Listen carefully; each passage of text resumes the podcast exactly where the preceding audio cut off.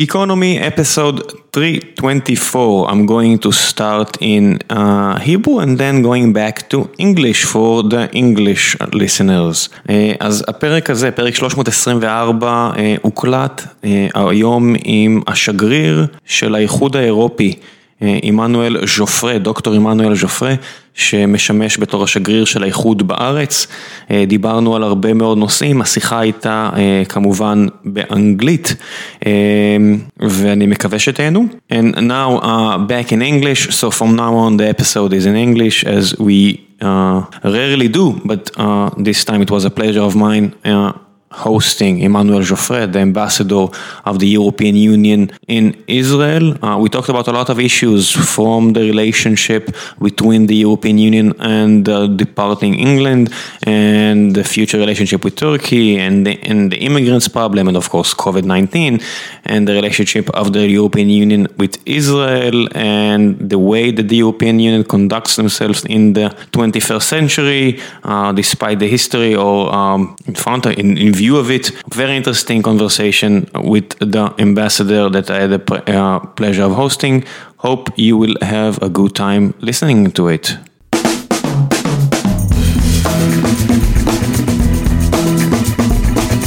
Geekonomy episode 324 and this morning I have uh, the pleasure to host Emanuele Giaufret, the ambassador of the European Union to Israel. Good morning.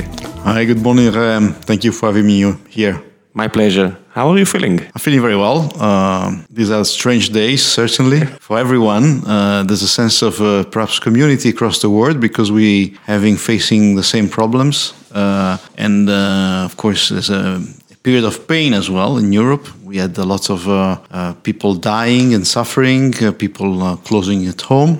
Same thing here in Israel, though fortunately the fatality rate was much lower. And we have been rediscovering many things by this particular way of living, uh, spending more time with the family as well, close family. Uh, and of course, everyone is be concerned about the future, how things will get back to normal, whether we will have a new normal tomorrow. And I think uh, what we have learned these days is that uh, cooperation, solidarity is certainly something very important, and uh, both countries, but also individuals, need to work together. I think we need to take these lessons with us and uh, bring it forward.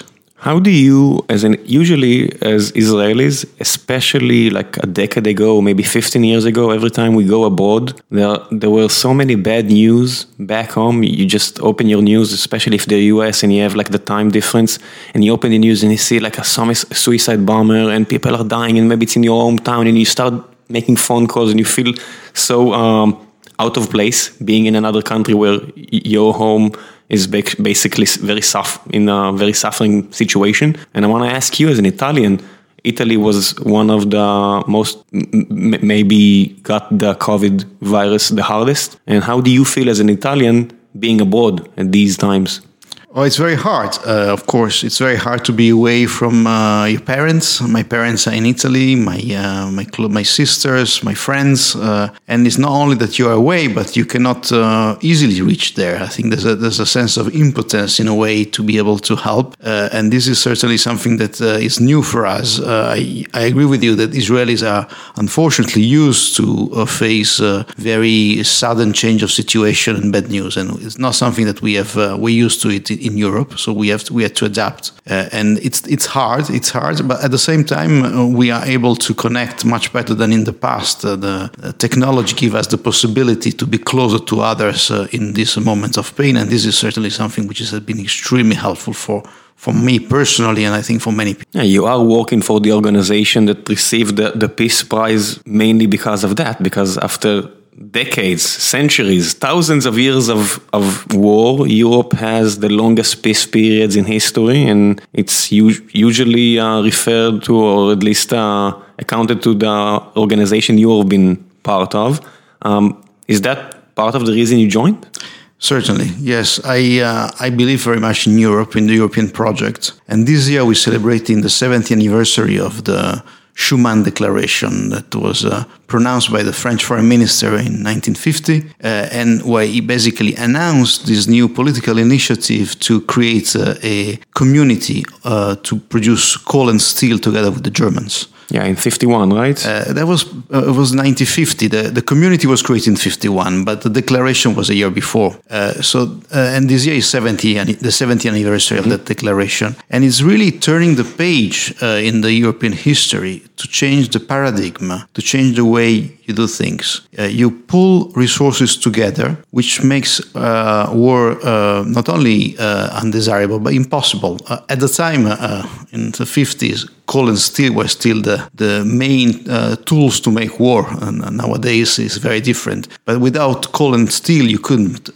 build an army. So pulling together coal and steel was basically making a peace treaty with your enemy and changing the way you were relating to them. And this has changed Europe profoundly and I think it's been a, a great uh, success story. Yeah. From the 50, we've grown. Uh, now we have 27 member states. It, yeah, uh, 27. Uh, 27. That's the, that's the, new number. Yes, this is the new number. We, we lost one, but at the same time, and I think also interestingly, today there's a summit, uh, a, virtual summit by uh, video conferencing of the European leaders with the Western Balkans leaders. the countries of the Western Balkans are very interested in joining the European Union. Um, Albania, North Macedonia, Serbia, Montenegro.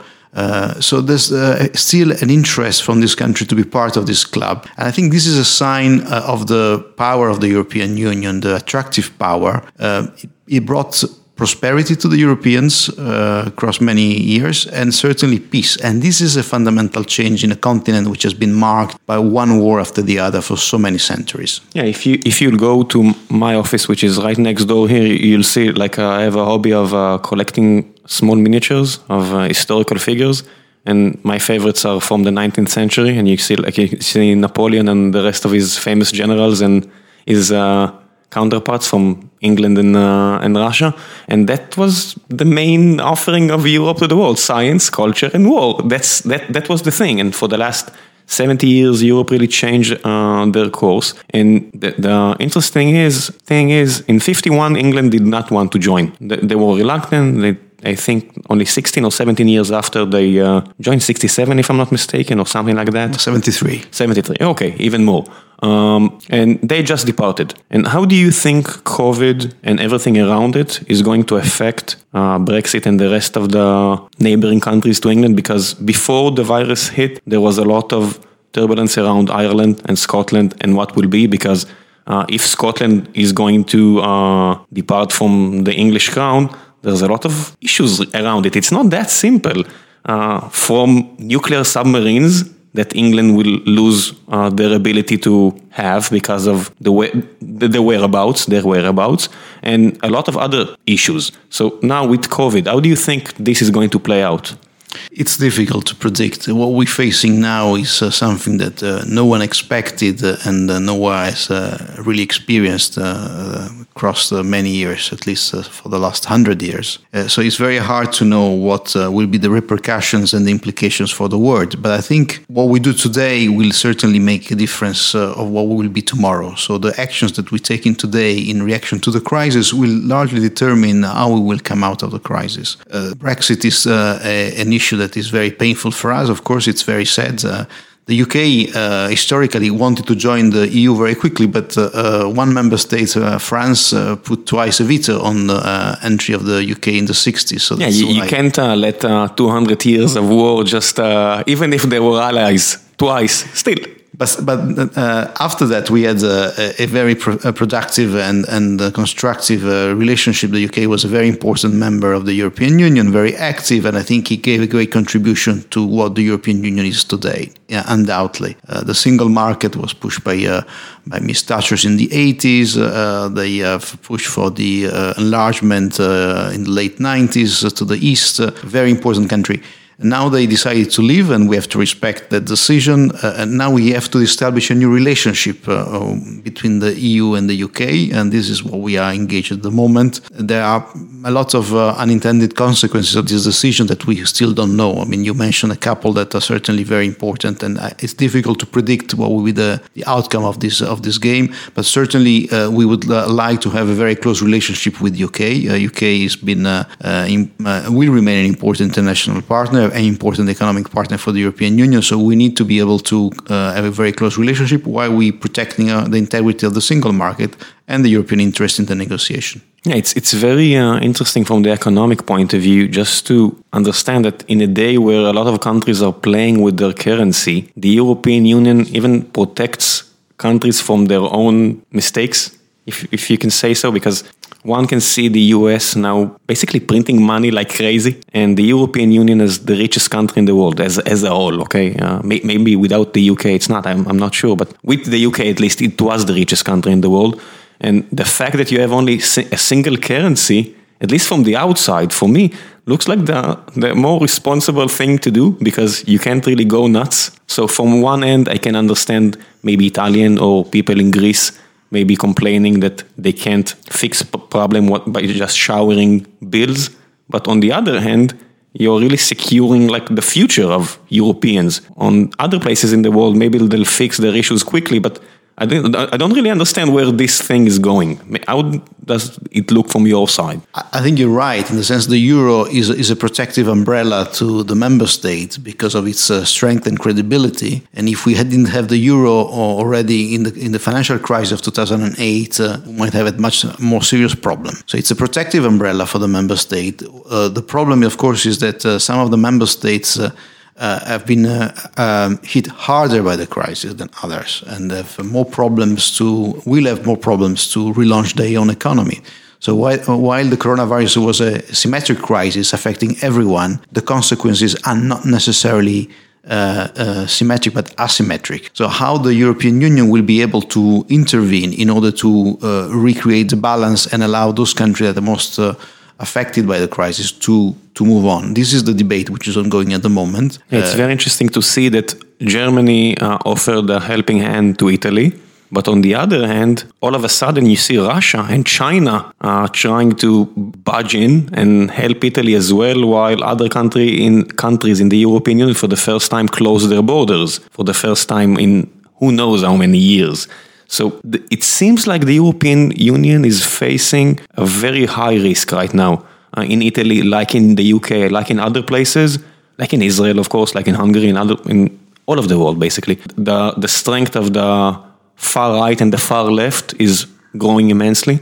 Um, what is the European Union going to do to protect himself from uh, extremist. We need to respond to the citizens' uh, needs. I think this is what the European Union is about, and that is what it is necessary. Um, we have, uh, on one hand, certainly a problem with the attempt of disinformation in the European Union. That is uh, an attack to the credibility of the institutions of the member states and the EU itself, and we need to react to this. Uh, we need to get uh, the record straight. We need to provide facts to citizens, and also we need to get together. We need to be able to respond to uh, the, the crisis which has been created by the, the coronavirus spread. This is how we defend ourselves. And what uh, we have managed to do in, uh, in a few weeks' time is quite remarkable. Uh, certainly, this crisis took everyone by surprise. We have to be honest that no one expected this, no one was really prepared to face the crisis sure. we have. Yeah. And at the beginning, um, a number of member states decided to close borders uh, uh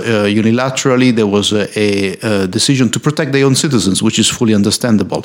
But many things have happened and are happening now uh, that uh, make me uh, uh, to be very optimistic about the future. There was a reaction. I think there was an understanding that the crisis was too big to be dealt by one member state alone. That we need to be together. we had we were we've been able to allocate very important economic packages think the overall uh, response, economic response to the of the EU and its member states is about uh, three trillion euros and 400 billion euros. So it's uh, one of the largest uh, response economically. Uh, the European Union has played its role uh, with a, a, new fund to allow to address unemployment in member states, so people don't lose their job or get back to their job when the economy starts. We've been allocating 37 billion euros to the medical services and to the budget of member states, 200 billion billion euros by the European Investment Bank to the SMEs that are the most uh, vulnerable uh, compared to big uh, corporations. Uh, and now we're discussing about this recovery plan. Uh, and the recovery plan will be certainly a very important uh, test for the European Union to overcome the crisis. international solidarity is, is important. the fact that China and Russia have been sending support, it's certainly welcome. The European Union itself has, has provided support to the Chinese in January when they yeah. were in, uh, in trouble. Uh, we sent uh, 56 tons of equipment to the hardest hit cities uh, it's important that we work together. And what we did uh, uh, actually this week in Brussels, we had uh, this pledging event to allocate funds for the development of diagnostics, therapies, and, and the vaccine, which is the only way we can really get out of the crisis. So we, we convened this big meeting uh, in Brussels, again, a virtual meeting, and we raised 7.5 billion euros for, for therapeutic diagnostics and, and vaccine, bringing together very many, many countries Saudi Arabia, Israel, Turkey, uh, of course, a lot of European countries. Uh, and this is, I think, how we, we managed to, to overcome the, the crisis internally and externally. We, we need internal solidarity within the European Union and also reaching out to everyone in the world. And still, uh, you're coming from Italy. Italy is maybe the next big country that is on, in jeopardy to have like an extremist uh, movement to call for a European e- exit. And um, as an Italian, how do you see it? Because on one way, I'm sure you you can be uh, empathetic for the claims of Italians maybe feeling that Germany and France are getting more of the lion's share of the economic value of the European Union, for instance. I don't know. And on the other end, you're a member of the European Union. As an Israeli, it's really easy. Everything you do is you're isolated. You're an island here in the Middle East, so you're an Israeli. It's maybe you have political differences, but it's easy. But as a member of the European Union, Union, you are uh, you have like a bilateral uh, commitment. One is for the federal uh, or for the union itself, and one is an Italian. You're still an Italian. So how does that meet you? I don't think it's so difficult to have uh, um, uh, multiple identities and reconcile those identities in a whole. Uh, I'm an Italian, but also uh, I, I, come from a region in Italy, and you know, in Italy we're very proud of our regional uh, uh, origins. I come from a place called La Spezia, which is a small town in Liguria, in the north of Italy, and certainly we have a lot of prejudice vis-à-vis our neighbors, and we think we are the best in La Spezia compared to the neighboring cities and they think the, the same uh, of, of, of us. Uh, so my mother is French, and uh, I have a French background as well. And I, I can live in this uh, much wider context, which is the European Union, because the European Union is about unity in diversity. We don't want to be all the same. We're very different. We bring to the union very different assets, uh, skills, uh, national histories that uh, determine who we are now. But we can live together in a, in a broader in a broader context. What the European Union need to do, of course, is that they have to take into consideration the interests of all the member states. And this is what the European Union is all about: a negotiation machines to be able to reconcile different interests uh, for the greater good. And Italy certainly has benefited immensely to be a member of the European Union since uh, the late 50s and before a member of the coal and steel community. Uh, we've been able to find jobs uh, in northern uh, Europe. We received funding from the central, uh, from Brussels uh, and the other member states. We found a market where our companies and the small and medium enterprises could sell their goods. And we are in a new chapter now. Uh, the Corona crisis is certainly an important chapter of the construction of Europe. I'm sure that the European Union will come stronger out of the crisis because the answers can only be at the European level. Uh, and the government in Italy is, is, very much engaged, as all the governments in Europe, to find a, a, solution. Of course, they have they're looking at the situation from their own perspective, and they come to the table for the negotiations. Now they've asked the European Commission, which is a neutral body that is responsible to promote the European interest, not the single member states' interest, to address the crisis. And the president of the European Commission has recognized that uh, uh, initially during the crisis, the European Union was probably late in responding to the Italian Italian needs and even apologize to the Italians. I think there's an, there's an acknowledgement that things uh, could have done better, but this is the first step to move on. And so I'm quite optimistic that uh, the, certainly the road will be hard. There will be a lot of problems uh, and a lot of discussions, but I'm, I'm, I'm sure that the European Union will come out uh, uh stronger uh, from this crisis and its member states more supportive. Do you think in let's let, let's just take COVID out of the game? Maybe it's just a small wave. There is the possibility that in in a 100 years lifespan, maybe it's just a small wave. Uh, for Europe itself, do you do you think, or even do you think it's preferable? Um, it's going to be more united, lower borders, or do you think what we have now, these the, the current state, is the ideal? Uh, do you want the European Union to be even more immersed into the governments over the, the, the local governments, or do you think it should be lower. Certainly, the nation state in Europe is still very strong. The traditions are very uh, uh, old. Uh, we have uh, countries that have been uh, together and uh, an actor in history for so many centuries. so I don't think that they will disappear. Not disappear, but I, I can. let's take Greek, Greece, for instance. Greece is in debt for to England and to other countries for almost 200 years since 1821 when Greece was formed. They took debt and it's like an endless loop for 200 years. Uh, too much money is going out of Greece just to pay debts. And it seems, and maybe uh, to the Greek audience, uh, to the to the Greek uh, ears, this is not going to be pleasant.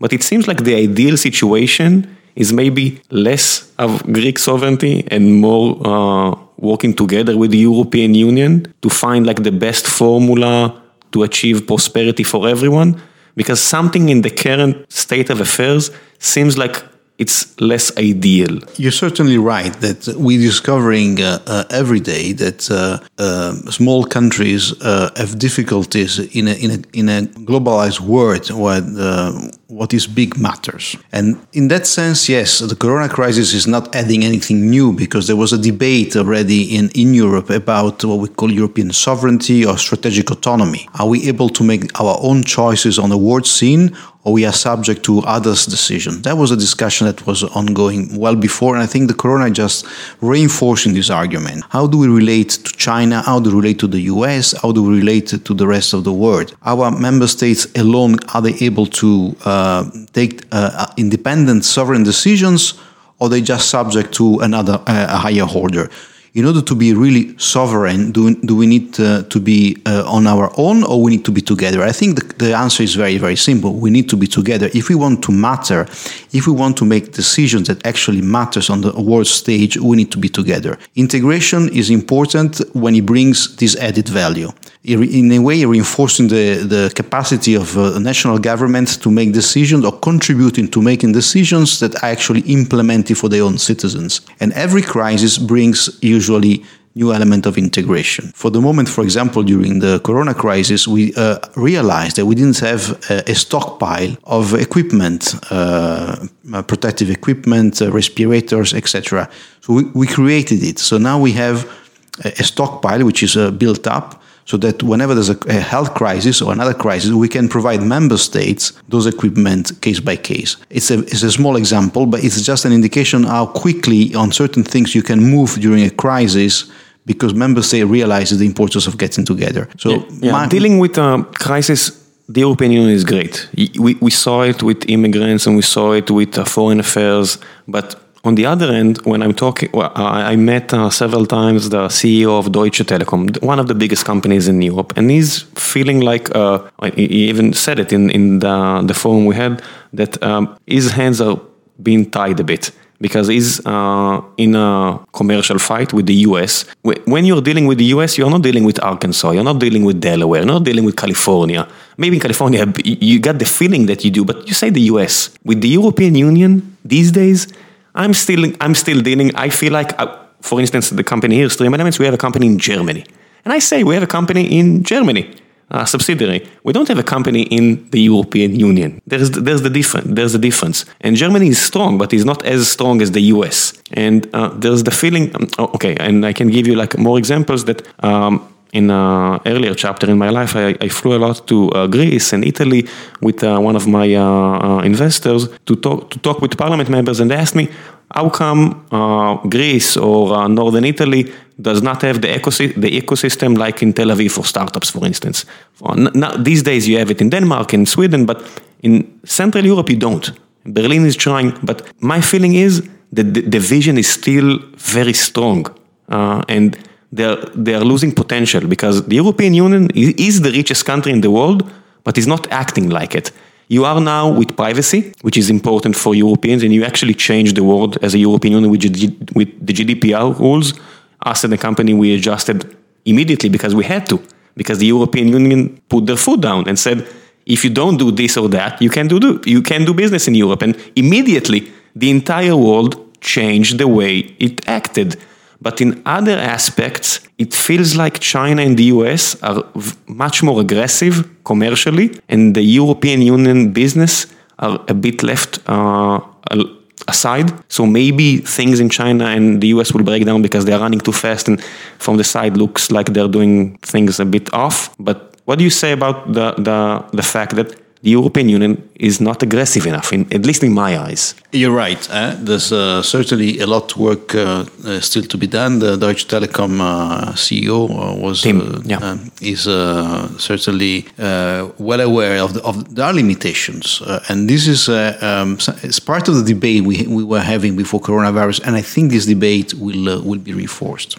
we need to protect our interests, and I think when the new Commission started saying we want to be a geopolitical commission, it was a recognition recognition that we cannot only be just for the rules, for the sake of the rules, but we also have to be more uh, determined to promote the European interest in order to be able that these rules are actually effective for everyone, including for us. When we're talking about strategic investment, protecting strategic investment, screening external investment from, from abroad, this is exactly the way. We cannot allow uh, others to come and buy our key assets while we cannot do the same in other countries. There must be some sort of reciprocity. Uh, commercially, we need to be able to defend our interests in a much more robust way than we've done in the past. The WTO will remain our key framework because multilateralism is essential for us.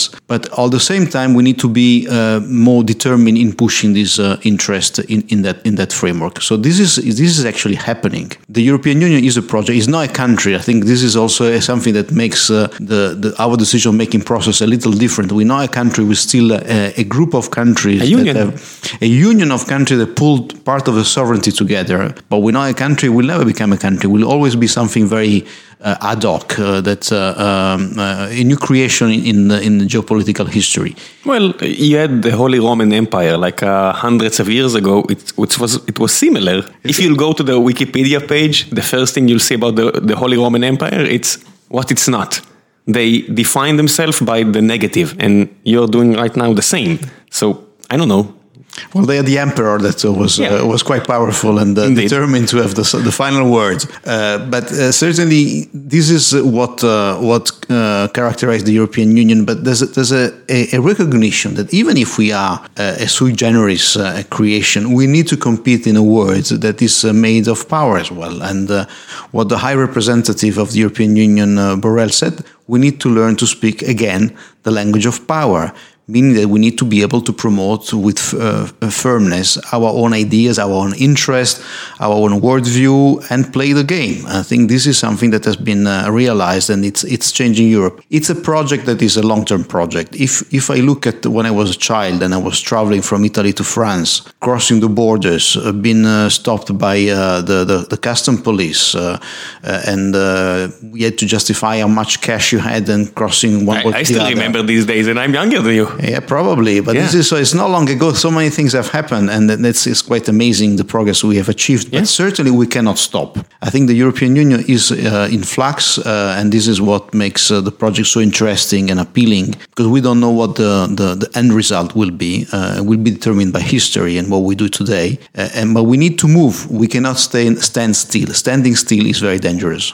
Yeah, usually there's the reference of sharks uh, when they stop moving, they just sink. And in Europe, at least, um, stop when when some countries stopped moving, they just uh, disappeared or gone really weak. Yeah, I'm not sure we are a shark, uh, but uh, certainly uh, um, a big tuna fish. I would say, uh, you know, if, if you bike if, and you stop biking, yeah, you tend to fall. So it's better that you keep on keep on uh, pedaling. Yeah, one of our investors is a is a big bike enthusiast. He would like we, we would like your comparison better. Let's speak about uh, one of the countries that is a candidate for uh, the European Union. And I think the most intriguing one.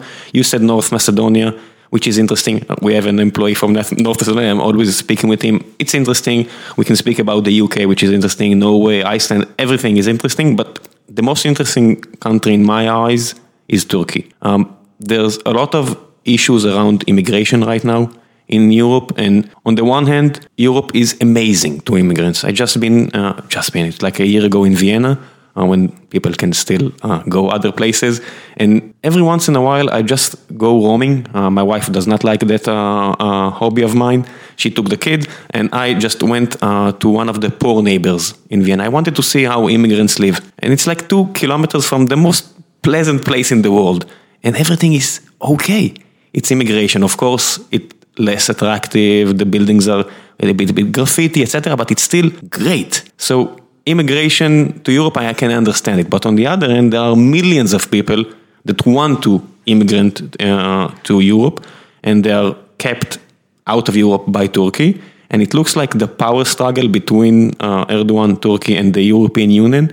It's something which is very close to uh, a breaking point because Turkey uh, has until 2023, I think, uh, when Erdogan said he's going to uh, remove the candidacy. I, I, don't even understand the threat here, but from okay, so the question is very simple. From on, on the one hand, Europe is like the most liberal, most pleasant place in the world, but on the other hand, you need to deal with countries that are not on par with your liberal views and have uh, the power to just send millions of people to Europe, and Europe is not ready for millions of people. Let's be frank here. So what is the European Union going to do? Uh, you're right. Uh, we, we're not ready for millions of people, and I think what we've seen during the migration crisis that uh, what concerns the Europeans is to see that their borders are, are not protected, that uh, anyone can come in and come out. And this is, of course, uh, not right. I think we need to make sure that uh, we can control the borders. At least. We, we can uh, manage the, the, problem. We're not uh, the victim of the problem, but we are on top of things. I think this is something that we need to do. And Turkey, uh, we have also to be very honest, has received uh, many, many uh, uh, um, asylum seekers and refugees from, from Millions. Syria millions. So they, they uh, together with other countries like Jordan and, and also Lebanon, they've really took the brunt of, of the Syrian crisis. And, and we have to recognize this. Uh, it's, a, it's a big pressure on them. And the, what we have achieved was a, uh, an agreement whereby we would support them in uh, um, assisting these refugees uh, via a fund that uh, is is uh, designed in order to assist directly the refugees. So this this is the agreement that we we have reached, uh, and uh, uh, certainly it's we not uh, the, the, crisis is not over because the Syrian crisis is not over. There's a lot of things are still happening. Turkey is also at the moment in the middle of its own Corona crisis, which is quite heavy there. So we don't know what will happen. we will continue to have a dialogue with Turkey. It's a very important partner. We we need to understand that the world is made of, uh, of, of, countries that are uh, neighboring each other, and we need to be able to get along with each other. Uh, so we have a special relationship with Turkey because it's a candidate, it remains a, a candidate country. Uh, for us, also, the issue of uh, uh, democracy is, a, is an important one. The, the, value aspect of the relationship is key with Turkey and with anyone else. Um, so we, we need to be able to have a conversation on these issues together. There are other areas that are important for us where Turkey has a say. Um, thinking of Libya, for example, or we, we need to be able to uh, manage the Libyan crisis as well, which is another source of uh, uncontrolled migration uh, for the southern uh, um, member of the Italy. European Union, yeah. mainly Italy. Uh, so there's so many things that we need to be able to discuss. So th- it's managed together. so we the the European Union will continue to have a, a, a very uh, strong and intense relationship with Turkey because it's right to do so. Do you think there will be an option for it, for the European Union to lower the bar of entrance? Because I don't really see how countries like Turkey can achieve the liberal uh, bar that the European Union asks uh, from their members. The, the cultural differences, from at least from where I sit, are just too too big. I think for uh, uh, Turkey is a big country with a lot of uh, uh diverse uh, sure. um, realities. Yeah. Uh, but I, to answer your question, no, I don't think we can lower the bar. and certainly in, in Europe, there's a, you've seen it recently. There's a, there's less appetite for enlargement, or at least there's an appetite for making sure the enlargement is done the right the right way. And we just actually reformed the enlargement procedures so that make it more political in a way to precisely to make sure that uh, the achievement in terms of uh, uh, democracy, rule of law, human protection of human rights, protection of minority, but also fight against corruption, organized crime, are actually solid enough to allow countries to get in. And this is how we have managed to unblock the, the, the negotiation with the Western Balkans that uh, were stuck for a little while. So enlargement remain a policy, but uh, certainly the, the bar will remain uh, um, as high as before, if not higher. Yeah, it's it's it's problematic. It's it's a hard problem to, to face. Not only Turkey, as as you said, because the Ukraine is another country that is uh, in talks with the European Union, and it's not a secret that there are Russians in the Ukraine. It's the only uh, warm harbor that Russia needs, and it's not going to let it go. It's nice that they are saying uh, they are helping Russian nationalities in the in Crimea, but it's it's a thing of economics. They need that harbor. They're not going to give it up, and the European Union needs to look the other way a, uh, a lot of times because what can you do? It's like it's a superpower to your east, and you can't really force your liberal aspects anytime or every time. Yeah, what can the European Union do in these kind of matters? Just to say something, say one thing and look the other way around, just to because um, from where I sit, there are a lot of times where it's a bit, uh, you know what I'm going. It's, it, it looks like a bit hypocritical because uh, the European Union can't really force other countries to do the right thing. Well, I on this I uh, I disagree with what you say because we, we have taken a strong stand on Russia uh, after the annexation of Crimea and the, the troubles in uh, eastern Ukraine, uh, in the Donbass, and we have imposed very uh, strong sanctions on, on Russia. Uh, this is already a few years ago. Sanctions that, of course, create uh, problems for some company, European company that used to do business with Russia. But politically, that was a necessary step to be to, to take, and certainly we haven't moved a bit out of this. At the same time, Russia is also an important country uh, worldwide, is a, is a, as a global uh, gas and, and, oil are coming from Russia to Germany, to Italy. Is yeah? also a supplier of uh, energy. Uh, so we need to have a, a diverse uh, uh, relationship with them. So we, we have set up a number of principles to dealing with Russia. We also need to continue working with civil society in Russia. We still believe that human rights and, and, democracy principles need to be defended in Russia by the civil society organizations. Allow individuals and people that want to know to be in Europe, to study, to be able to do that. But at the same time have a, have, a very firm positions on, on the Russian uh, doings in, uh, in, in in Ukraine, which is uh, which uh, is part of the um, uh, Normandy format that is negotiated by uh, two key member states, which is Germany and, and, France. But I think we've been very firm, and we have kept the unity of the European Union on this important topic. it's very important for a number of our eastern member states, but it's important for all member states that we keep united on Russia. same thing on when it comes to disinformation and uh, some of this information is coming uh, from Russia. We know that. We have yep. the, we the, It's not a secret. It's not a secret. We just published a report uh, specifically on, on the corona crisis uh, that is very interesting. I, I, invite everyone to read this on the web. Send me any link you want. I'm going to attach it to the episode. Okay, I will send it to you. Okay, so um, now let's speak about you're the ambassador to Israel, which is a tiny country, but a lot of noise and uh, a lot of attention from the European Union. Lots of other countries are uh, giving Israel uh, maybe too much attention uh, relative to its size and real importance, but that's the, that's just truth of the matter. And uh, the European Union spends a lot of money, um, not a lot of money, but money in uh, civil organizations in Israel.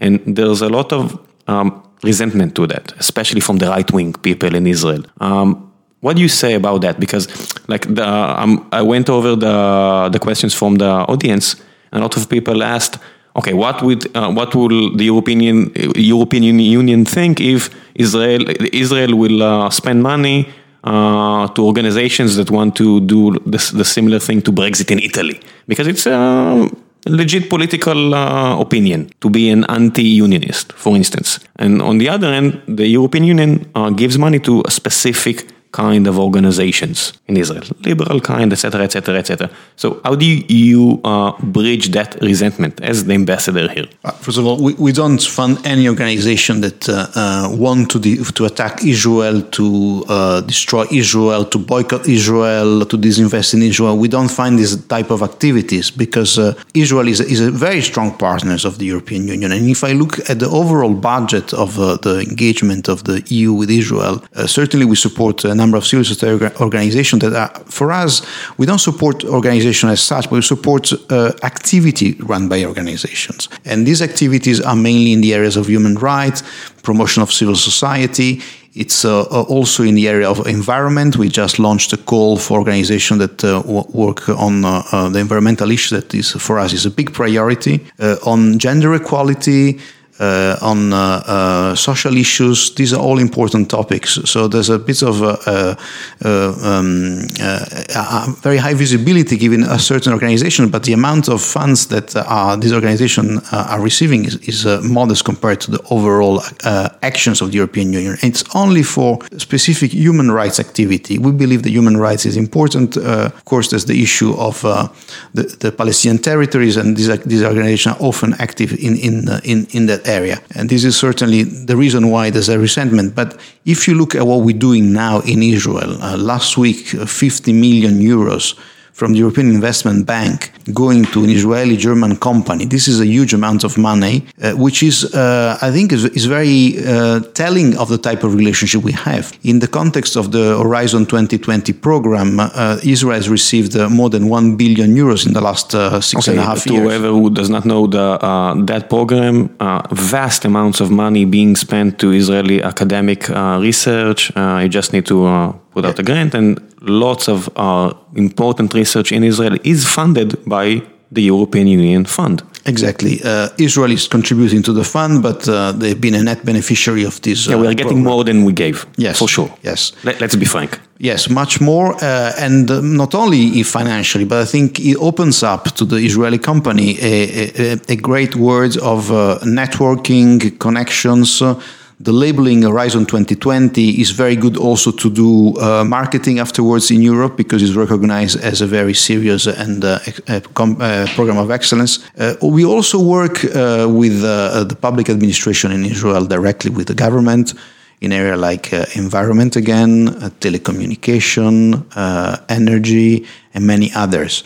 Uh, all this uh, work is actually done, and I don't think uh, uh anyone anyone can claim that the European Union is uh, uh, hostile to Israel. People can claim it can be a bit populistic, but people can always claim. Of course, everyone is, yeah. is, is, free to claim yeah. what they, they wish, but I think the facts are telling a different story. And I think yeah. if we stick to facts, we might have disagreements on the issue related to the Palestinian territory and what, what next, what will come next. But certainly, on the bilateral relationship, it's very strong. And then let's not forget that the European Union is the first market for Israeli goods. This is where Israel is exporting its goods, and uh, we're interested in uh, in developing this uh, this um, economic cooperation. Yeah, I think uh, a lot of the claims are coming because Europe still did not grow into the superpower it should see herself itself America, for at least the vast portion of the last 100 years, everybody knows their values. And with the European Union, it's like um, something you get from the side. It's not something that you get in the first page. We are for uh, gender diversity, uh,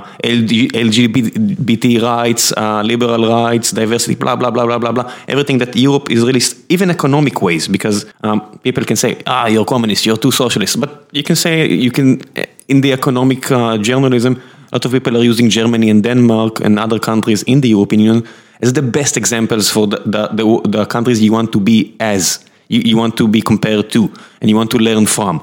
And it feels like the European Union is not really putting in the, in the title of the, the book they are sending to the world their values. It's like you're learning it, about it from between the lines. And maybe this is the, the reason for the resentment because if you're dealing with China, for instance, it's much harder. Everybody who dealt with China, and a lot of people business uh, in the business or culture world knows it, but nobody has complaints because you know what you're getting. It's not a surprise. There is no claims for hypocrisy because they are very blunt about what they want and how they want it. And with the European Union, it's maybe too polite. Uh, we tend to be very polite people. That's very Yeah, true. yeah. Uh, and uh, this is our style, and also the, the way we are built, and the fact that we, we are 27 uh, member states. Uh, it is a, a very uh, open way of, uh, of negotiating. Uh, uh, linkage between different things is sometimes difficult, and also because uh, uh, often uh, um, when people look at the advantages of uh, provided by the European Union, they think of the member state. I'll give you an example. Uh, one of the uh, best uh, thing that we've done with Israel, although today is uh, uh, not so not so useful, not so easy to benefit it, is the Open Sky Agreement. To be able to travel to Europe with cheap ticket and many options. People think, oh, it's so great to take so many flights to Vienna. Uh, or, or we have so many options to go to Poland. But the reason why we have that situation is because the European Union stepped in and proposed to Israel to make an agreement. And at the time, I was already here serving in Israel 15 years ago. Uh, Israel thought about that. I mean, what would be the impact on El El Al and other Israeli company? And they make a decision to go ahead and move on. I think it was a very brave and intelligent decision by the government at the time. And now we have this fantastic capacity to travel around. But this is because of the European Union. Without the European Union, you will never be able to have cheap ticket to go to Vienna to Poland. I Of think course, it's, uh, this is working together usually takes prices down. Uh, that's because when you're speaking with people from the populist movements, they're going to the extreme.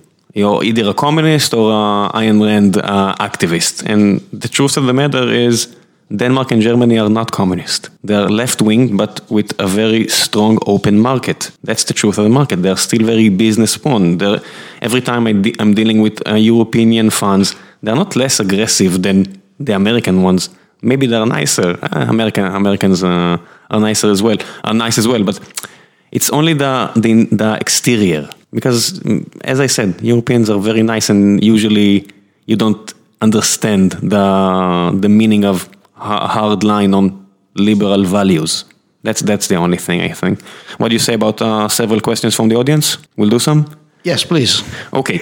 Um, Jimmy Jazz is asking. That's a nickname, I guess. Uh, what's the what's your comment relate uh, related to countries like Hungary and Poland? Um, these countries, I'm I'm translating as I go from Hebrew. Um, they're they're um, they're doing stuff that are really anti-democratical recently, and what can the European Union do about it? Well, uh, the European Union is a community of values. Uh, so, to be able to be part of the community, you need to be upheld uh, the democratic uh, values and rule of law, human rights, uh, and respect of minority. This is a, a, a key rule uh, to be able to get into the European Union. And, and then once you're in the European Union, there are a number of mechanisms that help you to uh, stick to those values. Uh, we have a European Court of Justice that uh, has uh, authority across uh, the country, across the Union. So this is a certainly a, a, tool that exists to make sure that these values are, um, are respected. And in the case you mentioned, the European Court of Justice, certainly in the case of Poland, has been very active on a number of issues. And then there's a mechanism that has been has was created with a new treaty to uh, make sure that member states are actually uh, abiding by uh, those rules. And these mechanisms have been uh, activated in the two cases you mentioned. And again, this is uh, always about uh, a dialogue and persuasion and convincing. There are also, of course, various steps. You can take the mechanism to much more extreme level. Um, but this is happening at the moment. There, there is a, a, dialogue ongoing between the institutions and, and those countries. and I'm sure that uh, it, it, will continue, and it's important for everyone that uh, we remain faithful to our values, including dur- during the Corona crisis. Yeah, I still think, on, even with the the high price of just uh, the fact that so many people are dead, but uh, I still think of it as a small phase. certainly, with a continent like Europe, with such a vast history, but because of that history, I'm looking at a, a, country like Poland, and Poland is not a country that was formed maybe officially recently, but people in Poland still remember the Lithuanian Poland. Uh, uni, um, what's the name in English of that? Uh, Commonwealth. Commonwealth, yeah. And they have aspirations of part of uh, Belarus and other parts of Europe. It seems like a, there's the potential of an inner unions inside of the European unions especially uh, for countries like that with their own history, uh, where um, the the modern countries are not representative of like inner uh, workings, inner uh, geopolitical aspirations. How is the European Union going to deal with it? Well, I lived in Poland for three years. It's a country that I, I really appreciate and I like, and I understood uh, how history again is uh, determining the way you see yourself. Uh, so uh, it's certainly uh, a different uh, trajectory historically than other countries in, in the in the West, and we need to understand this. This is part of the of the culture, part of the identity. But I don't believe that there will be some sort of mini Commonwealth inside the European Union. That there will, is the three lakes program right now? Of course, you, you have some groups uh, also in the south that getting together to, to address uh, specific issues, but uh, uh, which is fine. I think it's absolutely uh, normal and uh, even even productive. You have even groups of countries that of the European Union dealing with a group of countries outside the European Union. Um, but um, I don't think this is a problem for for the EU itself. I think you can certainly co- coexist with this type of groups. No problem. Okay, Ishai Bril is asking, uh, what is your opinion about boycotts? Uh, if it's a boycott around Israel or uh, other decisions around a boycott, is it fine to? It, sure. Okay. No, no. I can answer this question of Ishai uh, I think it's not only my opinion, but I think it's the European Union opinion that uh, um, uh, isolating a country uh, is never good. And certainly, we don't support any attempt to uh, isolate Israel, boycott Israel, uh, call for this disinvestment. This is something that the European Union, as such, uh, rejects. we think that engagement is the way forward, and certainly Israel is a country where the, we have rather increased our economic and technical cooperation, and certainly not supporting any type of isolation boycott. Gabriel uh, is asking, what is the uh, foreign affairs uh, policy for the European Union and how does it differ than uh, the ones that the specific countries in the European Union uh, choose to do? Yeah, we, we, don't have one foreign policy in the European Union. We have a common foreign policy that is decided by member states, uh, usually the unanimity. So this is the, this is the role. Uh, we have uh, realized that in order to be able to uh, compete and to be able to relate to big powers, we need to be stronger together. So there was a strong push to create this foreign policy that brings everyone together. Uh, we have created a new uh, service, so a diplomatic, ser- a European diplomatic service to which uh, I belong to, and we have a high representative. He's a kind of a European Minister of Foreign Affairs, but he's of course working with all the 27 ministers, and this is the difficulty and also the strength of the European Union foreign policy. So it's uh, it's bringing people together and trying to find a common analysis of uh, opportunity and threat, and this is what we're trying to do. Uh, Ilan is asking, how do you measure yourself? What are the goals? And uh, well, that's that. What is what is being um, set as your personal bar as an ambassador to a country by the European Union? Usually, a lot of the listeners are from the high tech industry, where you measure yourself yes. each day. It's not even as a just a, as a general question. Yes. What is expected for, of you? Yeah, oh, uh, I have two jobs. Uh, one, I have to manage a budget, and there I have KPI that uh, are very easy to meet with very clear standards, uh, and I have no problem with that. And then I have my diplomatic job, which is much more complicated to assess. Wait, when you say keep, uh, uh, keep an eye on the budget, a bu- budget of what? Well, we have a budget for. you mean the em- embassy? the embassy, but also cooperation with Israel, cooperation with the public administration in the high tech sectors uh, civil society, as we mentioned before. So this is a small budget, but we have uh, we have one. The diplomatic work is much more complicated to achieve. One other thing I need to do is to work with the, um, uh, the European Union member states. We need to forge that uh, common sense of uh, analysis, uh, to do things together, to project um, the um, uh, image of the European Union in Israel. I need to work with the Israeli Authority, and I work with uh, very many different uh, ministries, uh, of course, defense, foreign affairs, but also telecommunication, economy, finance. If if uh, a European business is having some issues in Israel, uh, does he go to the local embassy for help or you? Both. And actually, uh, certainly the, the, the, the, national embassy would be uh, taking strong interest, but they should also come to us because if the problem they have is a violation of uh, an agreement between the EU and Israel, then we can really help. And we've intervened many times in the in the Knesset uh, and with ministries to defend the um, European economic interest as well. Do you know? Um, it's it's a, a, personal question. Do you know how many campaigns right now are running? Uh, if you'll open an internet page, if you're an Israeli, I am. I think it's not a surprise, but there's so many advertisements for, uh, hey, get a citizenship in your historical uh, origin country. As a European Union, what do you think about that? Because I'm being bombarded by uh, maybe you're Portuguese, maybe you're. Uh, I live uh, in Tel Aviv near the Romanian embassy, and every once in a while they just, uh, hey, do you want one? It, it seems like a, a, a just a, a, currency these days, just to have the, uh, the the passport of the European Union.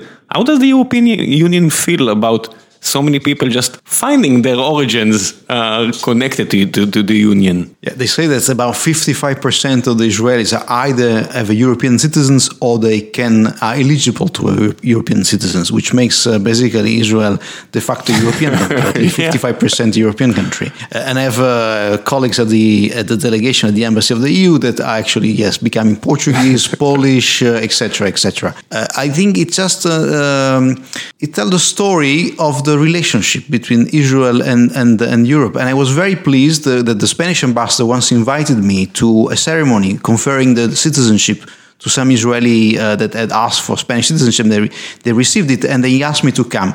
Why? Because when Israeli are becoming a citizen of European uh, uh, Union member state, they're also becoming EU citizens. There is such a thing as EU citizens, and it protects the citizens. If you are in a country where your own embassy is not represented, you can go to another embassy of the European Union because you are EU citizen. Or the European Union has uh, uh funded and uh, uh, put together flights to rescue EU citizens that were yeah. stranded abroad during the Corona crisis. So not only the, these um, um, Israelis are becoming citizens of Spain, of Portugal, of Poland, or etc., but also becoming EU citizens, of my citizens. So they have also to can they can come to me and ask for. Yeah, it's it's a weird situation. We're just accepting it because we live in a strange time. But I just got a, a CV from a candidate, and on the CV there was like a, a graphic of a stamp. I'm an EU citizen, which is I'm looking at it. Okay. to me, it's great. No, I, I, I, understand what he's trying to relay, relay but uh, it's it's it's a weird time to. Countries are very weird these days. borders are weird these days. Border, border very weird. Yes, I agree with you, and I hope this will not last very long. As you say. Let, us do uh, one or two que more questions, and then uh, you're free to go. I, I promise. Um, let's see. Uh, Akiva is asking, what is this, uh, the fact about Israel which is most surprising to Europeans, and what is uh, the fact about Europeans that is most surprising to Israelis? As someone who is uh, basically the bridge. Okay, so what is most surprising? I think that uh, uh, Israelis are surprised by uh, um, by the, the, way Europeans are enjoying the uh, sort of free borders uh, low security threat uh, and, and, welcoming uh, welcoming uh, attitude. We, we had a, a very interesting program at the delegation a few years ago and was to replace to, to exchange jobs. So we had a for example, a Polish border guards that came to work for the with the Israeli border guards, and then he went. There was an exchange. Someone went to Poland, and I remember that. Uh, uh, when the Israeli arrived in Poland, uh, asked, uh, he was given a uniform and etc. And this is it. And then he said, "Where's my gun?" I said, "We don't have gun." so I think it, this is certainly a, a, a surprising aspect. Uh, for the Europeans, uh, I think the most surprising aspect of Israelis is the vitality. P uh, Israelis are full of life. They're very optimistic, uh, sometimes much more optimistic than the Europeans. They tend to be a bit more pessimistic. Uh, despite all the problems people have here, they have uh, so much uh, energy and and they welcoming and curiosity about the others. And I think this is something it's the warm weather. You see, perhaps perhaps the warm weather. The climate issues are going to make everybody more happy. No, I'm, I'm, I'm not, I don't really, really think so. Um, Let's uh, one quick question. Rami is asking: Are you a descendant of Joseph Joffre, the Lion of French? No, I think I'm not. Uh, my name is uh, spelled different than uh, Joffre, the, the general. Okay.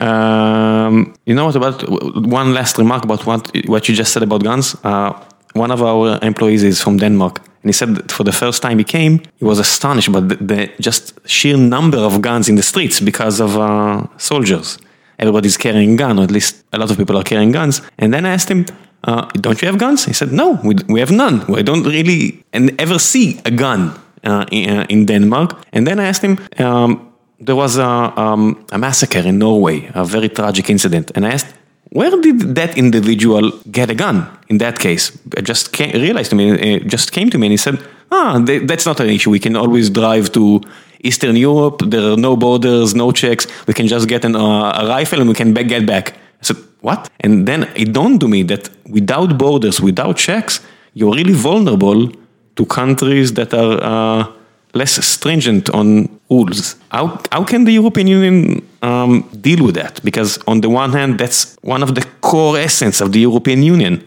One of the four truths of the European Union. You can go whatever, no, bo no borders. But on the other hand, not all countries are Germany or Italy. No, not all countries are Germany. Even Italy, the, there is issues in the south of. You, you can see guns. I, have been to South Italy. There's issues there. It's a. Uh, um, I'm originally I'm from Corsica. My mother is from Corsica. At, at the wedding in Corsica, they used to shoot. Uh, yeah. So they would open up the the trunk of the of the car and start shooting. That was uh, 20 years ago. Things are changing, and I think the way we have to do is, is through, uh, in, in this specific case, is through police cooperation. Uh, not only making sure that the rules are uh, in place, but also enforced. Uh, and we that's why we created the Europol, which is a, a, an agency to uh, ensure cooperation among the police. There's an agency ensuring cooperation among judges. There is a European prosecutor that is dealing with corruption cases against the budget of the European Union. So the more you, you open the border, means you also have to be make sure that the rules are the same, the rules on the economy, but also the rules for security of the citizens. So it's another impetus to make sure that there's more cooperation and more integration among. You're going to countries. spend more money in these kind of countries just to make sure that their police force is better? Well, in the context of the uh, the budget of the European Union, we transfer funds to countries that are uh, uh, um, less well off and they need more resources in order to build up the public administration and, uh, and infrastructure. So certainly, also the in the areas of uh, justice and security, there's cooperation ongoing. Okay, so uh, for the last part of the episode, the floor is yours to recommend whatever you want a movie, a show, a book, uh, an activity, you have something uh, in store regarding the embassy, maybe uh, 70 years of the European Union, uh, you can do, you can offer whatever you want to the listeners. All right, I, uh, I, I think I'll, uh, I'd like to. I'm writing it down uh, recommend uh, a book uh, from an Italian author, which is Umberto Eco, which is the name of the rose. and is what I think I found fascinating in this book. If you haven't read it, is is a is a thriller. is a, is a, story of a, of a murder, uh, and but also it gives an indication of uh, Europe uh, in during the Middle Ages that people coming from all over the the continent, uh, uh, and uh, they there was no sense of border at the time. There was a common culture, and they they were facing very similar problems. So that's the the name of the rose, and I think it's a it's a great book, and then and a great movie, Sean Connery. And there was a great movie uh, yeah. by Jean-Jacques Annaud. Yes, there was the director, and Sean Connery was, uh, was one of the actors. Yes, was the main actor. Um, and uh, uh, I think this is the book I uh, I would recommend, recommend, to you. Okay, thank you very much. Uh, Emmanuel, very, uh, it was a pleasure hosting you, and thank you very much for your time. Likewise, Ram, it was really nice. Thank you. Bye bye. Bye.